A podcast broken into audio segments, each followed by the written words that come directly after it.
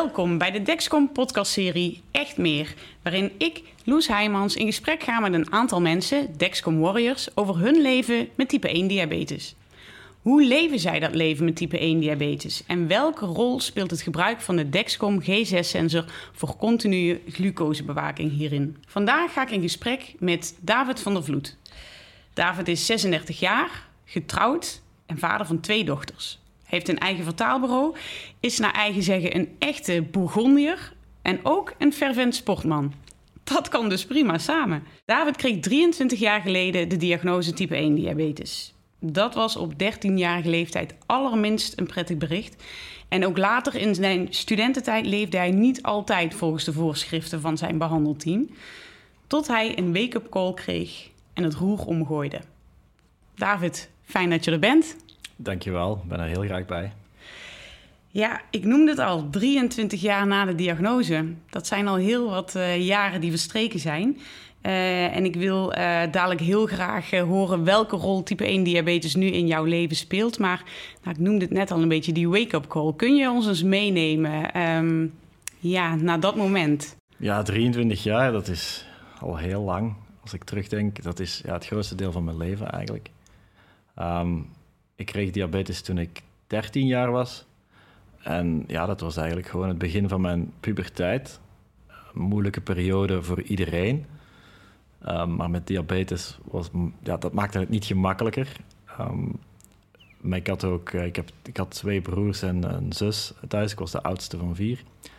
En ja, wij waren toen al onze hele familie waren Bourgondiërs, om het zo te zeggen. Dus ja, wij aten graag, wij aten graag, ja, wij aten graag, vrij veel. Veel koolhydraten ook. Um, ja, dus dat was wel een, een, een shock. Hè. De, eerste, ik ben tien dagen in het ziekenhuis geweest toen ik diabetes, toen de diagnose was gesteld. Daar hebben ze mij alles geleerd over ja, inspuitingen doen en, en uh, ja, je glucose meten. En ja, en vooral over ja, wat ik me daar veel van herinner, is, is ja, het aantal gram frietjes dat je mag eten, of het, het aantal gram uh, aardappelen, of het aantal gram rijst. En ik moest al mijn eten gaan afwegen. Ja, dat was heel moeilijk. Zeker ja, later in mijn puberteit ben ik daar ook wat beginnen tegen rebelleren. dat, uh, die, die hele ziekte en, en alles wat daar rondhing. ik wilde dat niet meer. Um, ja, en het ook een beetje laten hangen. Hè? Tijdens de, zeker tijdens de studententijd. Mm dan ging ik uh, ja, op kot, alleen. Uh, ik, was, ik was verantwoordelijk voor mezelf. Ik woonde bij, alleen. En ik, ja, ik ging mee in het uitgaansleven. Ik zat in het verenigingsleven als student. Daar ging jij niet meer je frietjes afwegen. Nee, niet echt, niet echt. Nee, dat gebeurde dan ook wel eens. Dat je ja, s'avonds laat, uh, nadat je nog op café bent geweest, dat je een kebabzaak uh, tegenkomt en denkt, oh, ik heb honger. Dat is allemaal niet ideaal voor, uh, voor je diabetes. zeker omdat we toen nog spreken over een periode waarin diabetesregeling moeilijker was, omdat je maar, ja, we hadden toen twee inspuitingen op een dag. Eigenlijk mm -hmm. moest je s ochtends weten wat je in de namiddag ging, ging inspuiten, wat je in de namiddag ging eten. En ja, dat, dat, dat was heel moeilijk om, om dat in te schatten, zeker als student. Uh, dus ja, ik heb daar een beetje ja, genoten van het leven wel, um, maar een beetje laten gaan. En daarna ben ik ja, eigenlijk op de studiebanken nog beginnen werken. Ik heb een eigen zaak opgericht. Um, is het leven heel druk geworden, want ik was nog aan het studeren, ik was aan het werken. Uh, ik heb ook mijn vrouw dan tegengekomen in die periode. Um, en ja, ik, ik leefde erop los. Hè. Ik, was, ik, was, ja, ik, at graag, ik dronk graag, uh, ik feestte graag, uh, ik werkte hard. Um, ja, tot op een bepaald moment ja, was mijn vrouw zwanger van onze eerste dochter, Laura. En ja, ik, ik ging naar de oogarts uh, op controle. Hij moest altijd op controle gaan voordat we naar het, naar het ziekenhuis gingen. Om ja, de diabetesteam wilde altijd weten hoe het met je ogen was. En ja, die zei van ja, ik zie toch de eerste tekenen van retinopathie. Retinopathie is ja, schade aan het netvlies. ik zeg ja, is dat, is dat erg? Ja, dat is bij diabetes zien we dat vaak. Ja, als ze al eventjes diabetes hebben, um, ja, als je niet oplet, je moet je suikers goed controleren, want als je dat niet doet, dan kun je wel later blind worden daardoor. En dat is, ja, dat heeft bij mij, dat is wel een chockerende vaststelling eigenlijk. Om te Ja. weten van, oké, ik, ik begin al de tekenen te zien van, ja, van wat diabetes met mijn lichaam... Want hoe lang had je het toen, type 1? eh, ja, dat zal 7, 8 jaar geleden zijn, dus 15 jaar. Ja. Ja. Dan beginnen de eerste tekenen zichtbaar te zijn. En dat, dat was voor mij een wake-up call. Eh, in die zin dat ik, ja... Daarvoor leefde ik alsof diabetes niet bestond. En, en eh, heb je daar ook wel eens eh, van op de blaren moeten zitten, zeg maar? In je studententijd bijvoorbeeld, toen je nou ja, er maar op los leefde? Ja. ja, ik herinner me bijvoorbeeld... Ja, ik herinner het me eigenlijk niet, maar... Ik, herinner me bijvoorbeeld dat, eh, ja, dat, ik, dat ik wel eens in een coma ben gegaan. Eh, in die tijd dat ik gewoon, ja... Ik, heel vaag weet ik dat ik naar suiker aan het zoeken was op een bepaald moment. En dan is het zwart geworden tot middags vier uur. En dan werd ik wakker met een hele zware hoofdpijn. En ja, was door een, door een coma, een, een korte coma gegaan. eh, door lage suikers. Zo, maar je Ehm, werd wakker ook op je Ik eigen kamer, ja, gewoon. je wordt- niet ja, in een lever- ziekenhuis of zo. Nee, je lever begint dan terug suiker af te scheiden. En dat is niet goed, hè. Dus het kan tot Nee. hersenschade leiden. Dat is helemaal niet goed, nee. Ik weet ook dat ik, eh, dat ik eens... Ja, dat, eh, er is ook eens een ambulance geweest bij ons eh, toen, toen ik per ongeluk in plaats van mijn nachtinsuline mijn, ja, mijn snelle insuline had gezet. En gewoon gaan slapen was naast mijn vrouw. Dat, dat zijn momenten, ja, dat zijn de, de slechtere momenten van Mhm. diabetes. Hè. En dat zijn dingen die ik nu wel ja, te alle prijzen wil vermijden. Maar goed, dus ik, ik, ik, ik had die, die retinopathie. En dat, dat was voor mij, ja, dat is iets van ja, permanente schade. Ik zie dat, ik zie dat mijn, eh, ja, mijn dochter gaat geboren worden. Ik wil haar kinderen nog kunnen zien Mm. later. Je begint zo wat te denken over de toekomst als je, als je kinderen gaat krijgen. En ja, dan heb ik voor mezelf eigenlijk beslist van dit moet veranderen. Hè. En ik, moet, ik moet anders gaan leven. Ik moet, eh, ja, ik heb toen beslist, ik koop mezelf een, eh, een koersfiets en ik ga drie keer per week fietsen. Had je al ooit op een fiets gezeten? Of, eh, nou ja, naar de kroeg en terug, maar... Inderdaad, ja, als student verplaats je je wel in de stad soms met een fiets. Maar nee, nooit echt, nee, nooit sportief eh, met de fiets bezig geweest. Ik had in het verleden af en toe wel eens gelopen, een beetje hardlopen gedaan.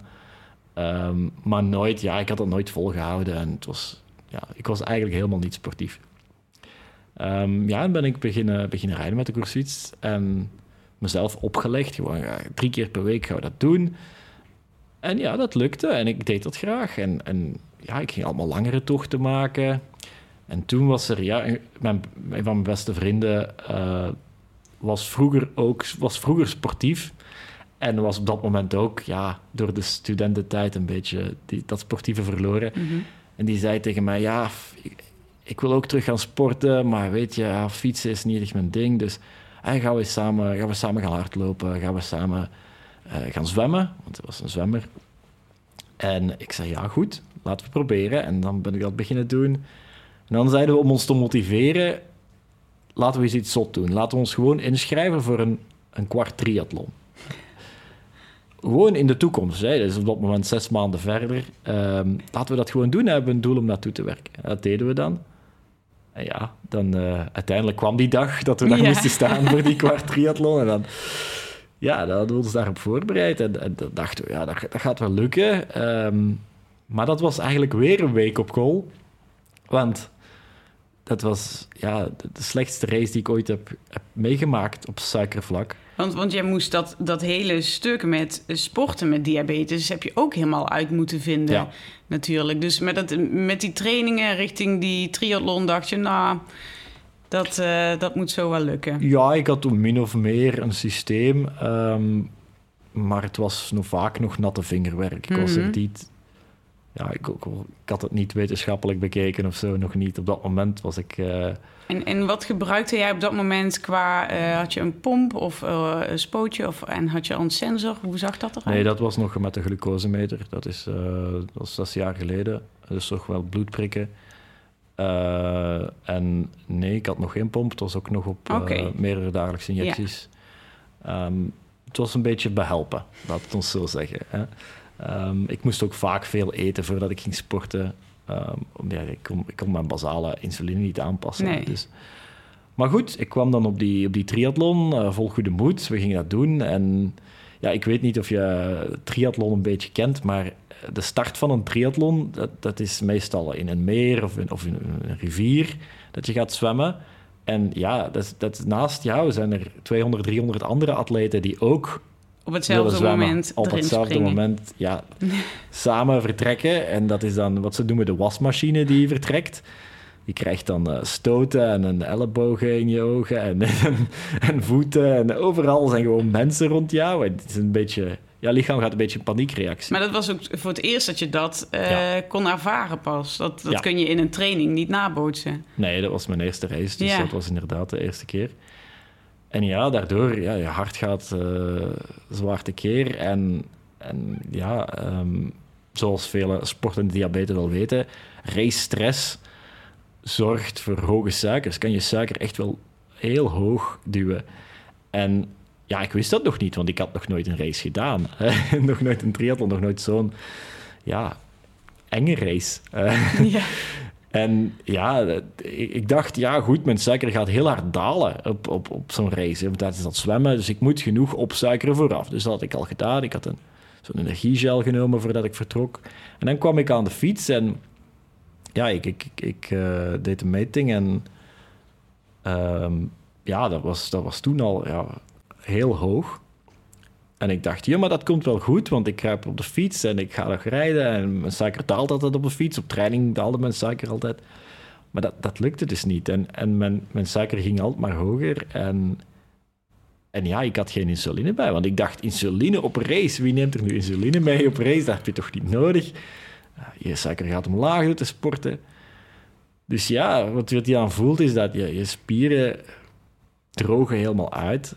En ja, daar begin kramp in te schieten. En ja, begin heel veel hoofdpijn te krijgen. Maar ik, ja. Voor de mensen die luisteren die niet zo vaak een triathlon doen, ik denk dat er dat best wel veel zijn. Hoe lang, hoe lang duurt zo'n eh, zo'n wedstrijd? Een kwart triathlon eh, voor een geoefende sporter, eh, twee, uur en, twee uur, twee uur en een half. Oké. Ehm, ik heb er drie uur over gedaan eh, die dag. Ik ben er geraakt, maar ik heb tijdens het lopen heel vaak gewoon moeten kruipen. Want als ik dan ja, probeerde te stretchen, één, één spier, dan, dan sloeg de andere spier in kramp. En, en ja, maar ik, ik wist niet van opgeven. Ik dacht, ik, oké, ik moet gewoon doorgaan. En toen ik aankwam, uiteindelijk was was een mentale overwinning, maar ja, ik ben meteen eh, in een bed van het Rode Kruis gaan liggen daar eh, en gezegd, ik heb insuline nodig, want ik, eh, ik stond toen dat moment ja, heel, heel, heel hoog. Dus ja, dat was, dat was geen, geen goede ervaring. En dan kun je zeggen, ja, diabetes en triathlon, misschien past het niet bij elkaar. Ja, je had toen inderdaad eigenlijk twee keuzes. Van, nou, dit is dus toch niet voor mij weggelegd. Ja. En het bijltje erbij neergooien. Of denken, "Mwah, misschien Ja, moet de- ik het een volgende keer iets anders aanpakken... en probeer ik het toch eens. pijltje erbij neergooien ligt niet echt in mijn aard. Ik, ik geef nooit op, ik ben heel koppig ook. Ehm, dus ja, ik dacht gewoon, nee, ik moet me voor de volgende inschrijven en gewoon ja, erachter komen wat de sleutel is tot succes hier. Wat, wat, wat, is, wat heb ik fout gedaan? Hè? Wat, wat is er hier misgelopen? En die houding, of die attitude, heb ik eigenlijk nu nog altijd bij het sporten. Want er zijn nog altijd dingen die fout lopen. Het is niet zo dat nu, na vijf jaar zes jaar later, dat alles van een leien dakje gaat elke keer. Maar het is heel belangrijk om achteraf, als er iets fout is gelopen, denk ik, even na te denken van... Waarom is dat nu fout gelopen? Wat heb ik fout gedaan? Of wat waren de omstandigheden die, die ervoor gezorgd hebben dat... Want je kunt niet alle omstandigheden controleren. Je moet die controle ook loslaten. Mhm. Maar als je dat kunt uitleggen of proberen uit te leggen, kun je daar ook uit leren. En dat meenemen naar de volgende, ja, de volgende sportieve activiteit. Ja, dus ja, op die manier ben ik eigenlijk ja, van kwart triathlons hebben we dan gezegd, ja, we schrijven ons in voor een halve triathlon. Na de halve triathlon wilde die, die vriend niet meer verder. Toen had Maar- je wel insuline meegenomen Ja, op die... toen eh, had ik wel eh, insuline meegenomen. En dan heb ik, ja, dan zijn mijn coach, want ik heb toen ook een coach genomen eh, om me voor te bereiden op die halve triathlon. Want dat, ja, dat is een, een zware onderneming om daarvoor te trainen als je niet de ervaring hebt. Ehm, ja, dan zei hij van, ja, waarom probeer je geen Ironman? Hè? Dat is een volledige triathlon. Ironman, voor mensen die het niet weten, dat is ja, ongeveer 4, 4 kilometer zwemmen, vervolgens 180 kilometer fietsen en daarna een marathon lopen. Ja, dat is zot. en voor niks jij goed. Zegt het, jij zegt voor niets het. goed, maar uh, ja, het is, het is wel een uitdaging. En ik, ja, ik wacht me graag aan uitdagingen. En ja, dat was eigenlijk misschien het mooiste, mooiste moment wel uit mijn sportcarrière tot nu toe. Was die eerste Ironman. En daar finishen. Uh, je hebt zoveel pijn in je benen na die marathon, na, na dat fietsen en na dat zwemmen. Mhm. Maar die laatste kilometer, ja, krijg je vleugels plotseling. En, en dan, ja, dan loop je over die, eh, kom je aan die meet en dan kwam mijn dochter nog uh, erbij. Dat maakte eigenlijk de cirkel rond, om het zo te zeggen. Hè.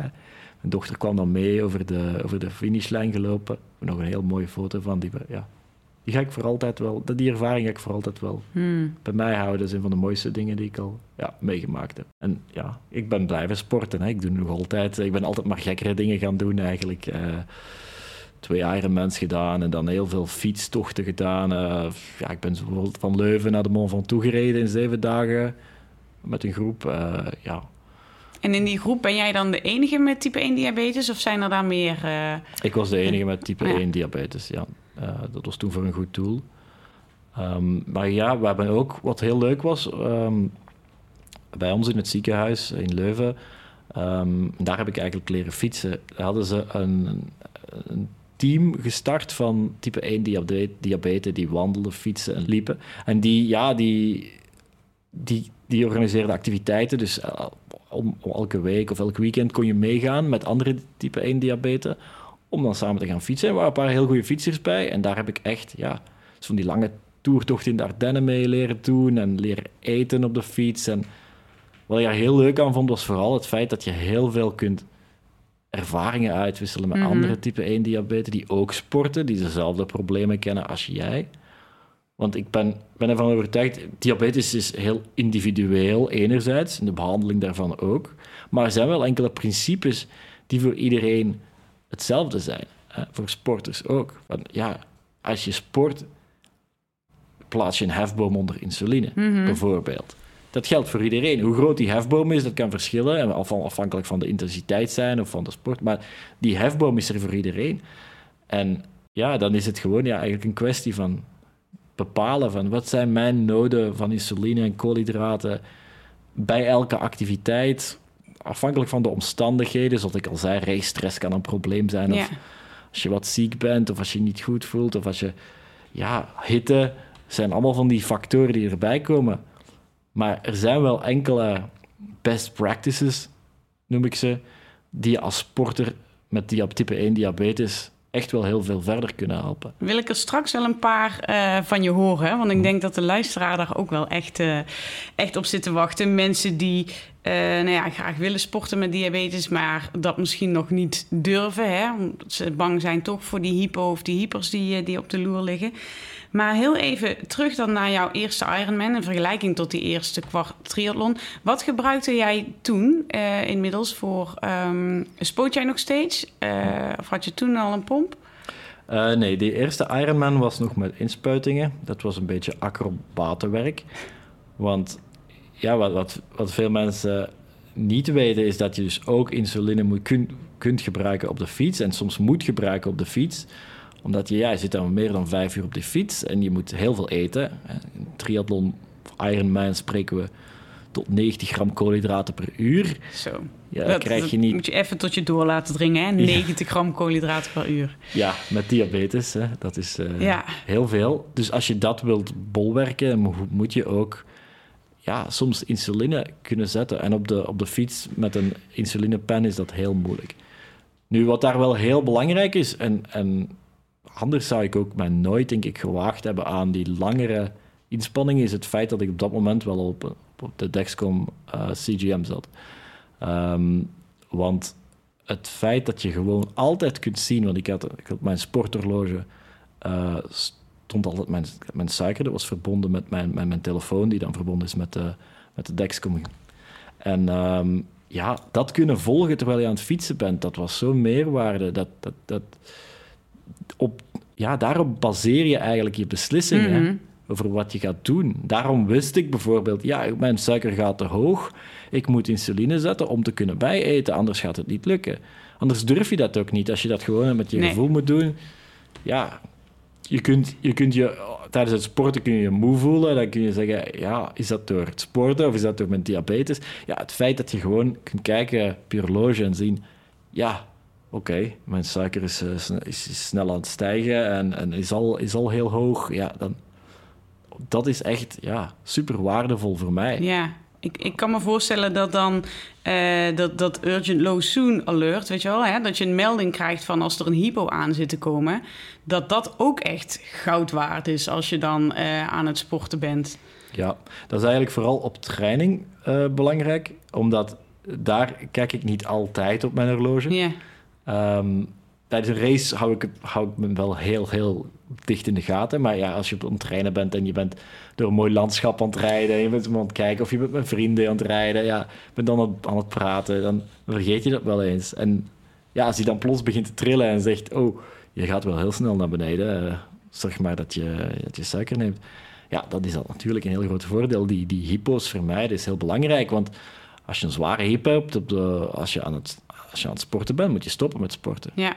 Dus ja, dat is over en uit. Hey, En, en in hoeverre eh, vertrouw jij dan ook op, op de waardes die de sensor jou geeft? Want eh, voer je nog wel eens een vingerprik uit om het te controleren? Sinds de Dexcom G6 eigenlijk niet meer. Nee, ik vertrouw mijn Dexcom volledig. Wat, wat heel belangrijk is, daar zijn de trends. Hè. In, in, in, eh, het, het is niet zo belangrijk of het nu 75 of 70 is, dat je milligram per deciliter dat je suiker is. Maar wat belangrijker is, ja, het is een snelle verhoging van je suiker. Dus die evolutie die die suiker maakt. Dat je dat volgt en dat je daarop je sportinspanning en je, ja, je, je, je eh, koolhydraten kunt afstemmen, je insuline kunt afstemmen. Dat vind ik heel belangrijk. Maar ik vertrouw hem wel. Ja, ik vind hem ook heel accuraat. Eh, elke keer als ik al ja, ehm, met de glucosemeter, met, eh, met, de, met de vingerprik heb geprobeerd om, om, om te kijken, was het meestal wel heel dichtbij. Dus eh, ja, ik kan erop vertrouwen. Ja, fijn. En ehm, nou ja, mensen die jou horen vertellen, denk ik, triathlon, eh, ontzettend lange fietstochten. Ik, eh, eh, hè, er zijn ook mensen die misschien al bang zijn om, eh, om een rondje te gaan wandelen voor die hypo die op de loer ligt. Je had het net al over een paar best practices. Wat zou jij mensen mee willen geven die ja, toch die drempel ervaren om te gaan sporten met diabetes? Ja, werk in kleine stapjes. Hè. Ik ben ook niet begonnen met een Ironman. Ik heb ook eerst die kwart triathlon gedaan, maar daarvoor, ja, mij al zes maanden voorbereid. Ik ben begonnen met, ja, zeg het maar, 10, 20 kilometer te gaan fietsen. Ehm, en kijken hoe je suiker daarop reageert, is het eerste.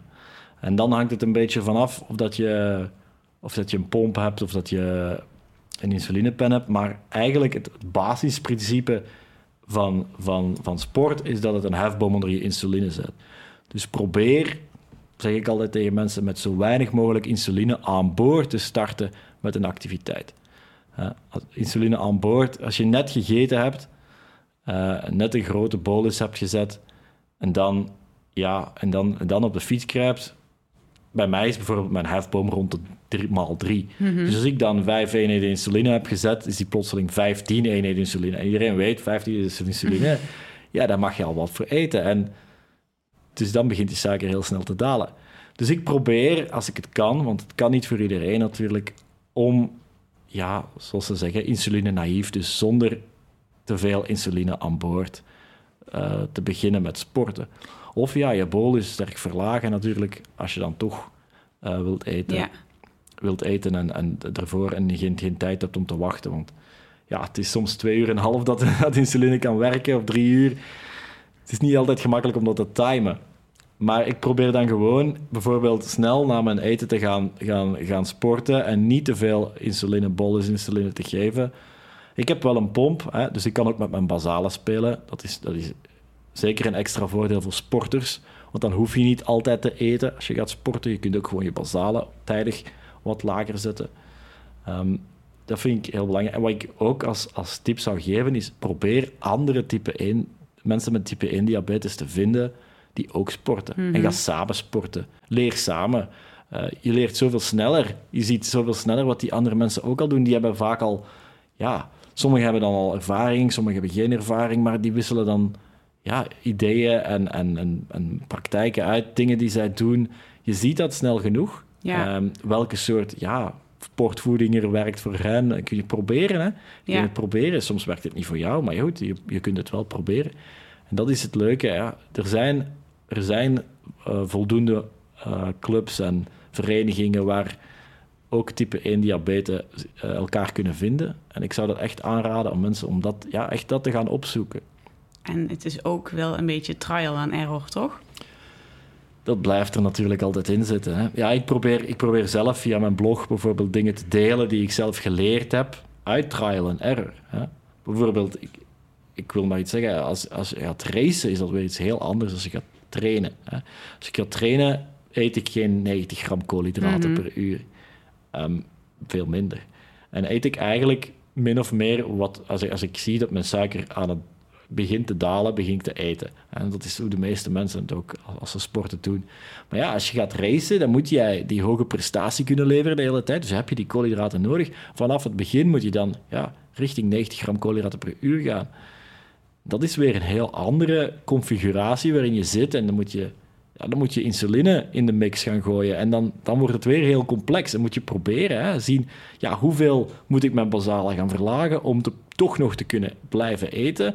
Wanneer moet ik dan een bolus zetten? Ja, dat is voor Ja. iedereen anders. Maar die tools, die zijn er. Hè? Die zijn er. Je, je kunt het doen. Hè? Als je, als je, als je een, een, eh, CGM hebt, gelijk de Dexcom, dan kun je je, je je suiker volgen op je sporthorloge. Dat is het belangrijkste. hè. Mm. Je moet die input hebben om die beslissingen te, überhaupt te kunnen nemen. Ja.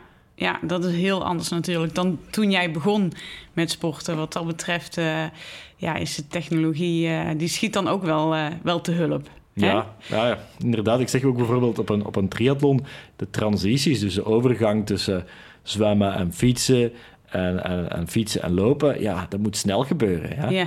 Maar als jij dan moet beginnen spelen met, eh, met, de, met, met een glucose monitor, ja, dan met een meter, meter en beginnen prikken in je vinger, ja, en dat blijft dan bloeden, want Ja, nee, dat schiet niet op. sporten, dat, is, dat schiet niet op. Gelukkig hoeft dat niet meer. Eh, welke ontwikkelingen in de diabeteszorg eh, volg jij op de voet? Waar kijk jij naar uit?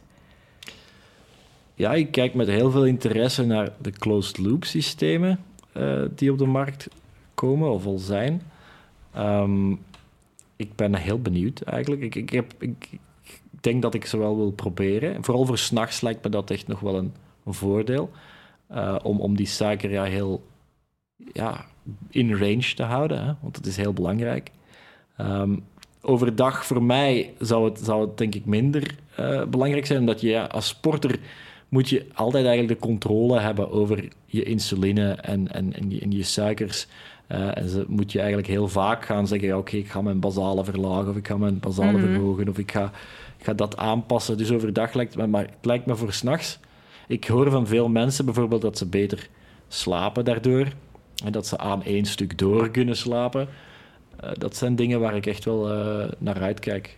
Ja, ik kan me voorstellen dat dat... eh, nou ja, dat is voor iedereen fijn, maar voor een sporter ook. Dat hij ook gewoon 's s'nachts een rust krijgt. Heel belangrijk. Herstel is eigenlijk Ja. nog belangrijker dan, dan de training. Ja, precies. Nou, laten we hopen dat eh, die ontwikkelingen ook heel snel gaan. En wellicht komt het jouw sportprestaties dan nog meer ten goede. Wie weet. Dat sporten is zo'n groot onderdeel van je leven geworden natuurlijk. Is er ook nog wel ergens een beetje plek voor de Bourgondier in David?